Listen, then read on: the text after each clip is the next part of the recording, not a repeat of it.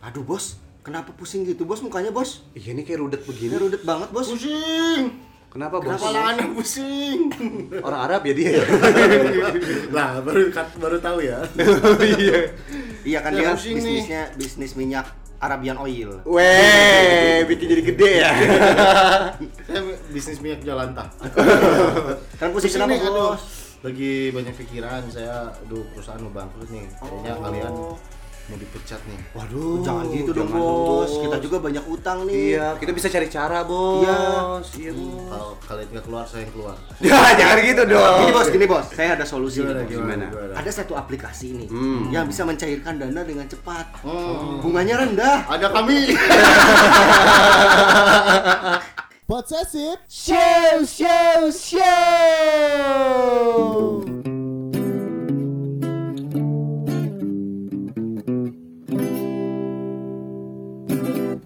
Ada ya makanan kalau habis makan itu teh jadi nggak bisa denger. Wah, jadi bonge ya. Makanan yang bisa bikin budek. Mm-mm. Apa tuh? Torek api. Bukan makanan. bukan makanan ya. dong. Budek Jogja. Ketebak mulu, bete. Lemah. Aing lapor mulu. Bete. Udah mana? Gue dulu, gue dulu. Iya, iya, hari, hari. Garing ini garing. Gimana gimana? Negara apa yang nggak pernah bisa hilang? Hmm, negara yang nggak bisa hilang ya. Islandia. Oh, bukan dong. Bukan. Apa? Kanada. Oh Kanada. Iya, Kanada. Bener. Oke, negara lagi. Negara. Negara. Baik. Negara yang paling canggih di dunia. Hmm. Hmm, Bukan Cina. Oh, bukan. India. Hampir tuh. Em, Eropa, Eropa. Eropa. Yo, Hmm, paling Turki. Aduh, hampir. Yunani. Aduh, dikit lagi. Spanyol. Wah, salah. Apa? Apa? Hong Kong. Anjing. Jauh ya. Kita mah Asia. Eh. Kenapa cing Hong Kong? Kenapa? Eh, si Rian punya mobil terbang. Mobil terbang dari Hong Kong. Iya, iya, iya. Baik, canggih. Oke, kembali lagi di Podsesif Show, show, show. Podcast sejarah inspiratif. yang tidak hanya mengedukasi tapi membuat anak emosi. cekakak cekikik. Masih bersama gua Roni si Tambu Bolon. Aduh. Bingung lagi kan? Rian si butar-butar. Aduh. Ari si Raja Guguk. Iya, minggu lalu nih kita udah ngebahas tentang katanya Indonesia bukan dijajah 350 Iya, tahun. benar. Tapi itu- 350 tahun lebih satu bulan. Waduh. Ternyata itu hoax ya. Iya, Tidak itu selama itu. Tidak selama ternyata. itu ternyata benar. Nah, sekarang kita bakalan ngebahas tentang Eh, sebelum ngebahas nih, hmm, yang hidup nih tuh kan pasti punya Utang. cicilan ya. Hmm. Atau enggak ada juga yang enggak nih. Iya. Ada orang yang nggak, yang sekarang ya, sekarang nggak Ah. punya cicilan. Apa? Raffi Ahmad. Oh iya benar. ada dia. Ada dia banyak, dia. Wak. Oh, Tapi banyak ya. Duitnya loba oke. lo duitnya lo bawa oke, Nah. pasti kearuran. Kalian nih dalam hidup nyicil apa nih kayak mungkin motor atau mobil gitu. Hmm. Oh, handphone. Gua pernah bangkrut. Atau menyiapkan nanti nyicil rumah gitu udah mulai. Gue pernah menyicil hutang karena waktu itu gue pernah punya usaha dan bangkrut. Oh. Iya. Sampai sekarang tuh. Oh iya masih ya. Hmm. Kalau Kalau Rian sekarang lagi nyicil nyicil rumah. Wih, nah, Iya. gini nih buat ke depannya ya. Iya buat ke depannya, walaupun belum ditinggalin sekarang. Nah. Kalau Rani, Rani nyicil apa? Kalau saya nyicil amalan. Waduh, berat ya. Untuk akhirat ya. Luar biasa. Alhamdulillah saya nggak ada cicilan sih. Tapi, ada juga yang cicilan itu bikin orangnya jadi motivasi. Benar. Ke depannya ada juga yang Malah jadi memaksakan. memberatkan. Iya, Iya, jadi memberatkan. Nyicil yang nggak perlu kayak gitu. Betul. Nyicil ke pinjol. Betul. Waduh, sampai nelpon kantor ya. Betul. Ke saya juga. Oh sempat ke mana juga Iya, Nol? betul. Gitu lah ngomongin cicilan nih. Hmm. Kita akan ngebahas tentang syarat-syarat masuk abri. Bukan dong. Bukan, bukan, bukan. Gue tuh penasaran ya, apakah neg- kena- kan negara Negara kita tuh eh, terkenal selalu juga ya. Nah, terkenal juga kita tuh punya banyak utang. Iya. Hmm. Apakah utangnya tuh udah dari zaman dulu kah? Iya benar. Atau eh, utangnya tuh baru-baru sekarang aja semenjak mungkin era Orde Baru Iya. atau pas Dan kenapa masih- harus ngutang? Dan kenapa harus ngutang gitu. Oke. Kita akan bahas itu di podcast Mas. Iya, Gila, jadi gila. kan memang kenapa Indonesia ini tuh susah banget gitu ya terlepas dari hutang gitu. Kalau bisa dilihat-lihat sekarang aja hutang Indonesia udah 6000 triliun kan. Waduh, Wah, banyak Iya, banget ya. Iya, gitu. itu dibeliin papeda satu Indonesia lengket. Waduh. Iya, nah kalau misalnya dilihat dari sejarahnya bahkan Indonesia tuh dari awal merdekanya pun itu sudah punya utang sebenarnya. Hmm, dari awal merdeka Nah, ya. kira-kira dari kapan? Nah, jadi ketika Indonesia baru merdeka pada saat itu kan banyak perjanjian ya. Iya, benar. Perjanjian Kalijati, perjanjian Renville. Nah, salah Meja satu yang bundar, ya. benar, konferensi meja bundar nih. betul. Nah, ini momentumnya di konferensi meja bundar inilah yang membuat Indonesia pertama kali merasakan beban dari hutang. Hmm. Tetapi hutangnya itu bukan karena kemauan Indonesia. Dipaksa. Dipaksa, dipaksa sama siapa? Sama yang pernah ngejajah kita dulu. Oh, Belanda. Thailand. Bukan. Oh. Thailand. Cut. Cut. Belanda. Jadi Belanda. gini, jadi di konferensi eh, meja bundar yang dilaksanakan tanggal 23 Agustus sampai 2 November 1949 itu, jadi Indonesia ini kan sedang memperjuangkan untuk diakui oleh Belanda Mm-mm. ya sebagai eh, negara, yang Negara. berdaulat ya, negara yang merdeka. Nah, salah satu syarat yang diajukan oleh Belanda adalah maneh kudu ngalunaskeun utang orang. Oh. Kalau dipikir-pikir sekarang, nah orang Nah, jadi oh. nuka tempuhan gitu, mikirnya gitu kan. Jadi ibaratnya gue pengen diakui sebagai caster di sini, tapi gue harus ngelunasin hutangnya si Derry. Iya, kayak gitu pro- produser kita ya. Hmm. Kayak begitu benar. Jadi kayak kayak sedikit kurang masuk akal gitu. Karena gini, biasanya yang eh, terbebani oleh hutang atau mengganti rugi dari kekejaman perang itu biasanya sang pelaku Pen- perangnya. penjajah itu ya. Penjajah itu. Hmm, Gitu contoh. Betul. Ke Polandia tuh. Nah, Jerman ganti rugi ke Polandia, ke negara-negara yang pernah diduduki sama Iya, dia, betul. gitu. Jepang ganti rugi ke negara-negara yang pernah dijajah sama dia, gitu. Nah, Indonesia mah beda sendiri. Malah Indonesia yang harus bayar hutang penjajahnya. Bener. Kok Nah, bisa sih ya? Iya, jadi karena memang pada saat itu strategi-strategi founding father Indonesia, salah satunya Soekarno dan Muhammad Hatta gitu mikirnya kayak ya udahlah kita iyain aja dulu. Merdeka aja dulu. merdeka aja dulu, Oh. diakuin aja lah dulu gitu. Hmm. Daripada ntar nanti kita nggak diaku-akuin gitu kan Iya, sama mereka. Nama aku laku. Waduh. iya gitu. Jadi anggapan mereka tuh nanti bisa didiskusikan lagi gitu. Masalah hutang yang nilainya berapa apa segala macam. Berarti dulu Soekarno suka diteleponin ya? Waduh. Debt kolektornya pakai bahasa Belanda. Iya dikejar-kejar ya. Iya Belum bayarnya gitu. buat bulan ini gitu ya. Tolong sampein. Kalau misalkan belum bayar bulan ini akun Anda dibekukan gitu. Ada dendanya ya Pak ya. Iya dan pada saat itu tuh Belanda itu ngutang ke Amerika. Benar. Karena waktu pada saat itu tuh Amerika tuh lagi menggelontorkan dana dana buat eh, negara-negara Eropa tuh. Mm-mm. Salah satunya Belanda tuh minjem juga. Dan Iya. Kita yang harus bayarnya. Jadi memang pada saat itu eh, ada sebuah program yang disebar sama Amerika itu namanya Marshall Plan. Nah dia itu eh, memberikan eh, pinjaman lah ya Hmm. untuk eh, memperbaiki negara, Negara yang masing-masing. hancur Hmm. Karena perang. perang. dunia kedua Iya, gitu. dengar. Tapi khususnya itu negara-negara Eropa pada saat itu. Hmm. Nah Belanda cari cara nih, Eh, caranya adalah gimana sih caranya supaya gue bisa melunasi hutang bayar ke Amerika ini. Hmm. Eh dia dapat dengan cara ngibulin Indonesia itu. Indonesia mau diakuin, bayar utang gua dulu. Nah utangnya juga nggak sedikit. Berapa Jadi eh, menurut Arsip Nasional Belanda ini utang yang harus kita bayar itu senilai 4,5 miliar gulden. Waduh, Nah kalau dibandingkan biaya pembangunan gedung sate aja 6 juta. 6 juta gulden itu udah banyak banget gitu kan. Iya. Empat, sekitar 400 miliaran tuh. Iya, 400 miliaran. Ini berapa Wah, banyak triliun banget ya. gitu kan. Bahkan pada saat itu, ini eh, yang perlu diingat ya bahwa pemerintah Belanda awalnya berani untuk meminta 6,5 miliar gulden. Heeh. Yang parahnya itu itu. Tetapi memang pada saat itu ditolak di konferensi meja bundar ini yang di Karena ACC kreditnya nggak cukup ya. nggak cukup ya. cukup, ya. Cuma lima ya.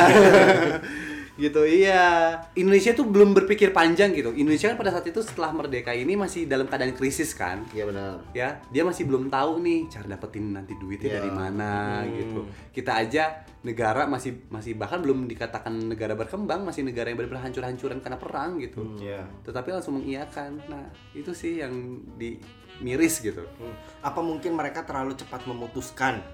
Iya kayaknya gitu deh. kalau bisa dibilang iya karena mungkin Benar keadaannya juga lagi Lagi genting ya? sih, heeh. Di, sa- di satu sisi pengen ya cepet-cepet merdeka, Pengen- pengen cepet-cepet diakui. Pilihan- pilihannya Betul. kayak gini gitu. Iya bener banget. Jadi eh, agak sedikit gambling pada saat itu mungkin ya pemimpin kita gitu. Ya daripada kita nggak diakui-akui sama negara ini nih yang ngejajah kita lama banget gitu kan. Ya udahlah kita bayarin aja nanti mungkin diskusi lagi lah. Mm, Nah, ternyata nggak ada diskusi diskusi selanjutnya gitu. Nah, yang jadi pertanyaan itu si utangnya itu kapan selesainya? Apa masih sampai sekarang masih ada kan itu banyak banget Nah, tuh. ini dibayangin Jadi aja turun nih ya. temurun kan gitu. Dari pertama kali tawarkan Hmm. tahun 1949 gitu ya dan akhirnya disetujui sama wakil Indonesia di konferensi meja bundar Hmm. hutang Indonesia yang harus membayar hutang Belanda itu Hmm.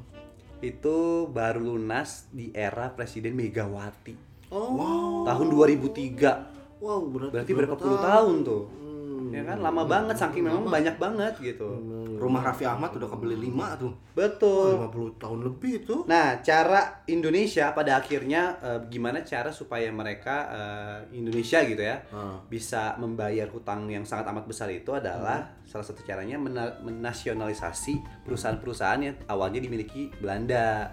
Gitu. Contohnya? Bank Indonesia, Band- eh, Indonesia, Bank, Bank Indonesia, Indonesia. gitu kan. Akhirnya dinasionalisasi. Kemudian kayak PT Pindad, kemudian Oh, PT-PT iya. yang lain gitu yang awalnya dimiliki oleh Belanda akhirnya dinasionalisasi supaya nanti pemasukannya itu jadi bisa buat bayar utang gitu. Nah ini juga sempat nih jadi perdebatan Belanda tuh nggak setuju awalnya gitu. Maksudnya mereka masih menganggap bahwa perusahaan itu punya kita gitu, bukan punya mereka, eh, bukan punya mereka, bukan punya Indonesia. punya Indonesia. gitu. Benar, Utangnya tuh udah lunas semenjak era Megawati ya. benar. Pas di anaknya berarti ya. Iya bahkan pas di anaknya itu Pas kan. lagi ya. Pas banget lagi. Iya itu. Itu benar-benar udah lunas ya? bener-bener udah lunas itu. Sama bunga-bunganya tuh. Berserta bunga-bunganya. Wah, bunganya juga berapa itu ya? Nggak tahu tuh ada bunga ros ya waktu itu ya. Waduh. Bunga tulip kalau dari Belanda. bunga tulip bener sih. Bunga terakhir. itu mah Baby Romeo. Baby Romeo.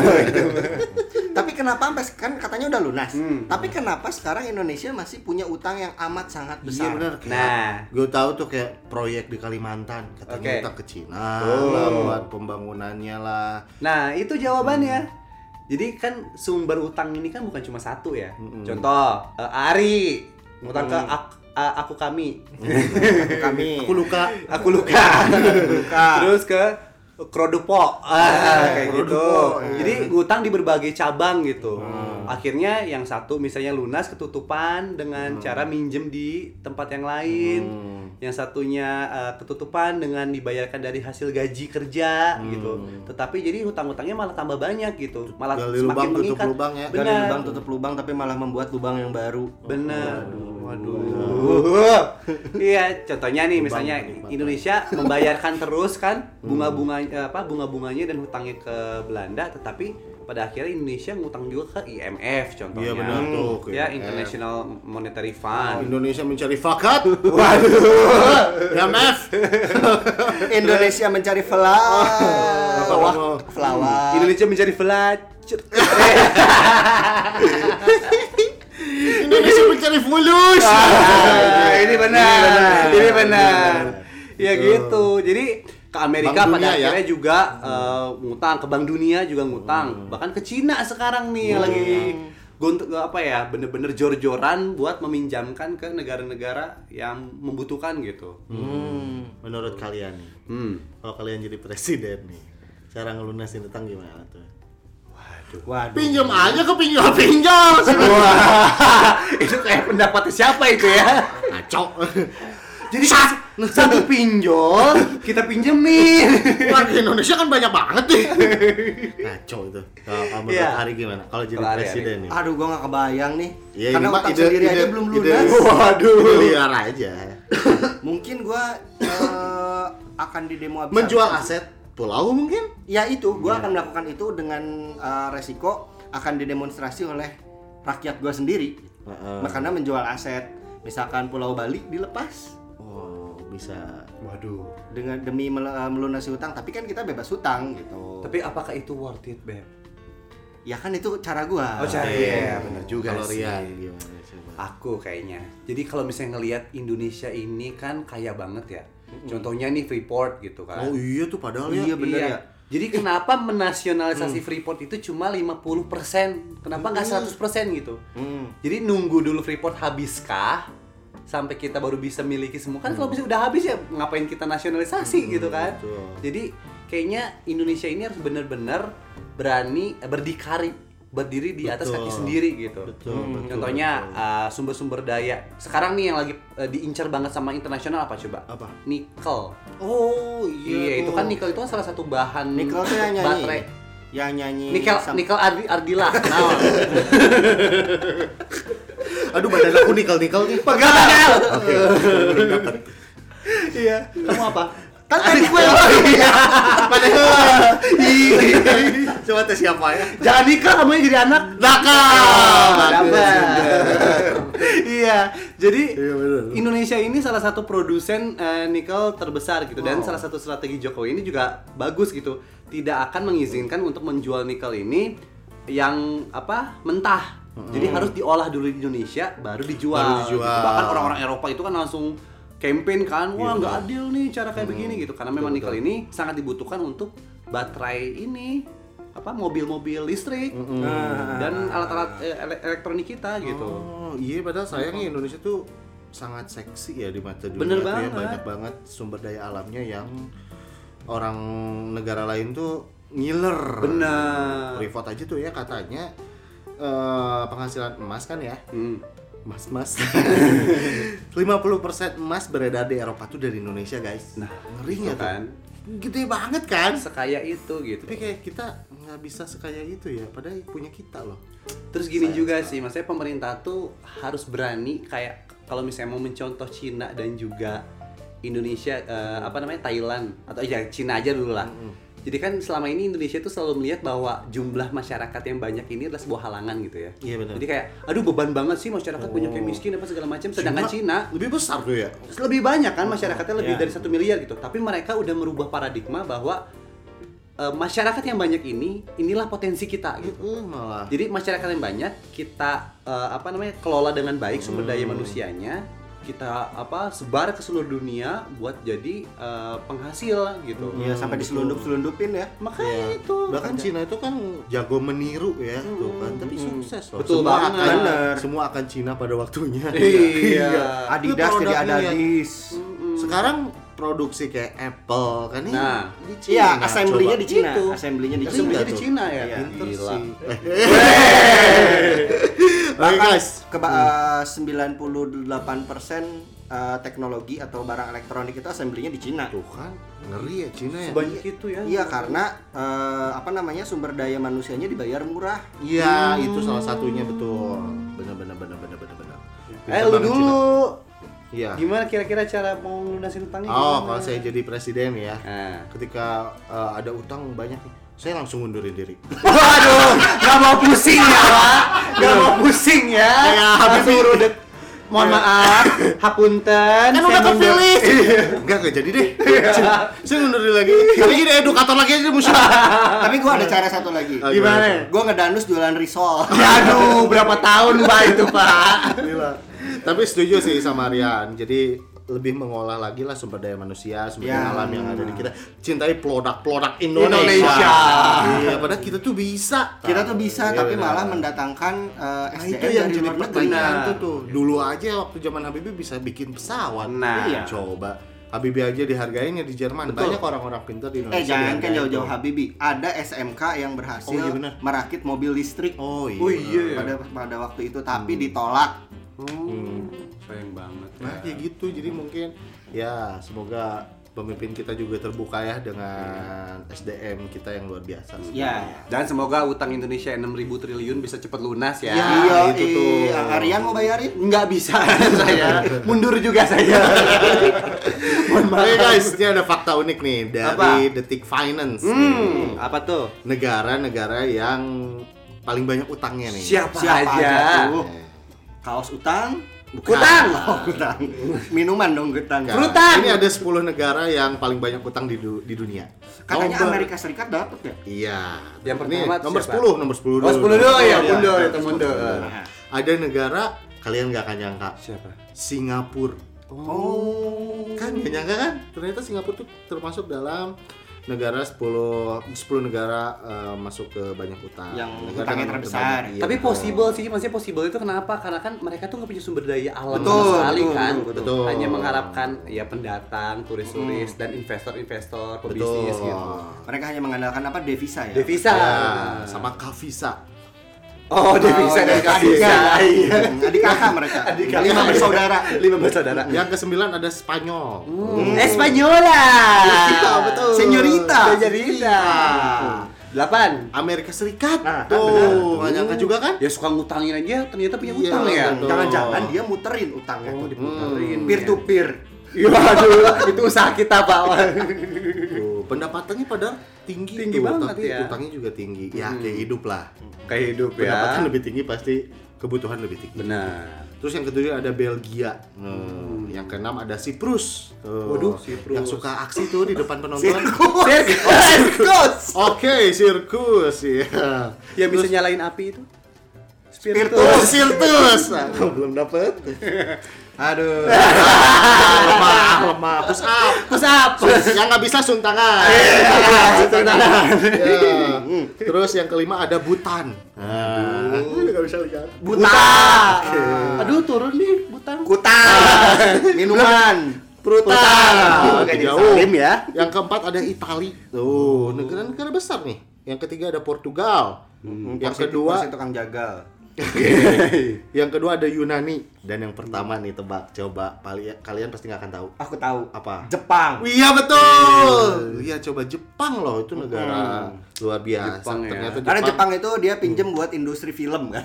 Waduh, Jaf ya. ini tuh yang kejadian semenjak kemarin waktu apa?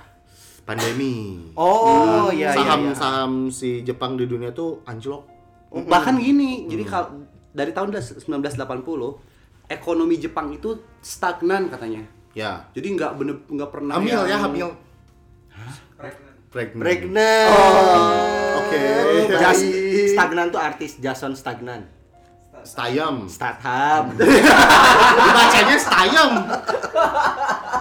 Eh, aku salim aja deh, aku salim aja. ada kamu nggak ada Iya, jadi karena memang ekonominya stagnan gitu kan, eh, walaupun memang mereka negara maju, jadi sebelum tahun 1980 gitu ya, 1960 sampai 1970-an itu, jadi disebut ekonomi Jepang itu sebagai sebuah keajaiban, keajaiban Iya, gitu. benar. Pertumbuhannya itu Pesat. luar biasa gitu. Benar, benar. Nah, tetapi dari 1980 tuh udah mulai melandai. oh Jadi jadi biasanya, nah itu mungkin permasalahannya ya. Padahal kan si kita aja Indonesia kan motor-motor, mobil-mobil, teknologi kebanyakan juga dari Jepang ya. Produk-produk.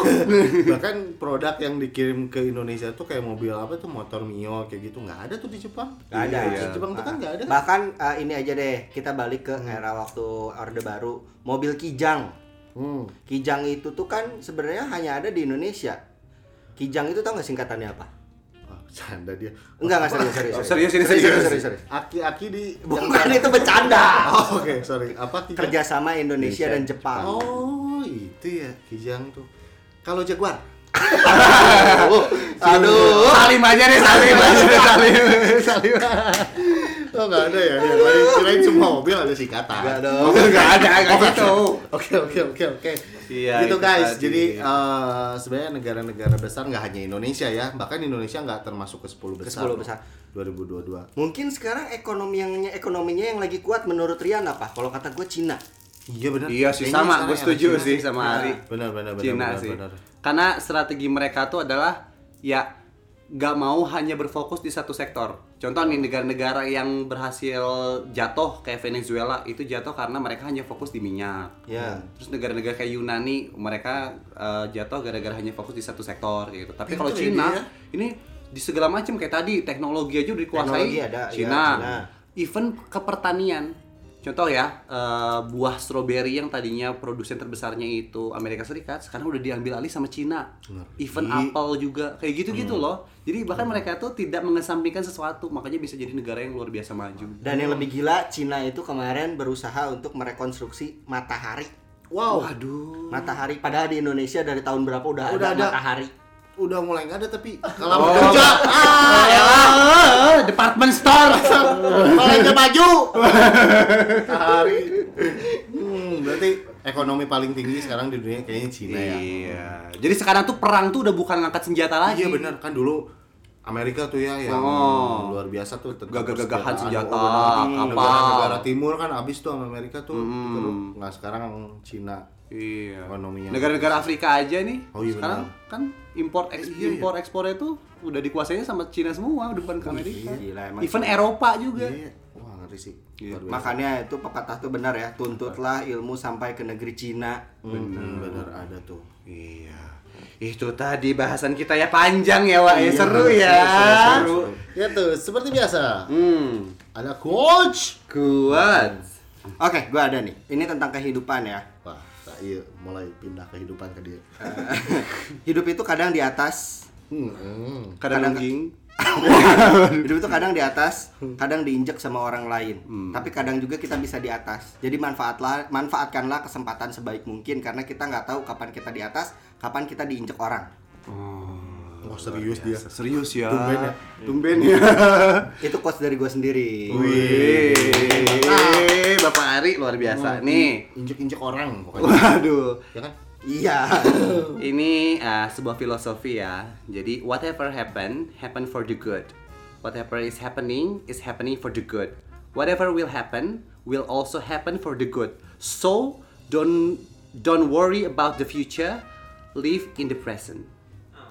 Yang Wah, artinya artinya Panjang ah udah langsung aja. Waduh, ini nggak bisa naruh subtitle masalahnya ya. Oh, iya, jadi apa pun yang terjadi eh, terjadilah untuk sebuah kebaikan. Jadi apa pun yang eh, terjadi eh, lakukanlah untuk sebuah kebaikan dan apa pun yang terjadi juga untuk sebuah kebaikan. Jadi jangan pernah khawatir akan masa depan karena kamu harus hidup di Masa depan sekarang. dan masa Iya, sekarang. dan masa depan. Iya, gitu.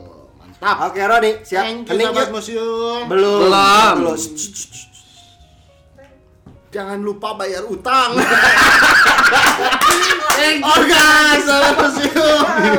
Assalamualaikum warahmatullahi wabarakatuh. Waalaikumsalam warahmatullahi wabarakatuh.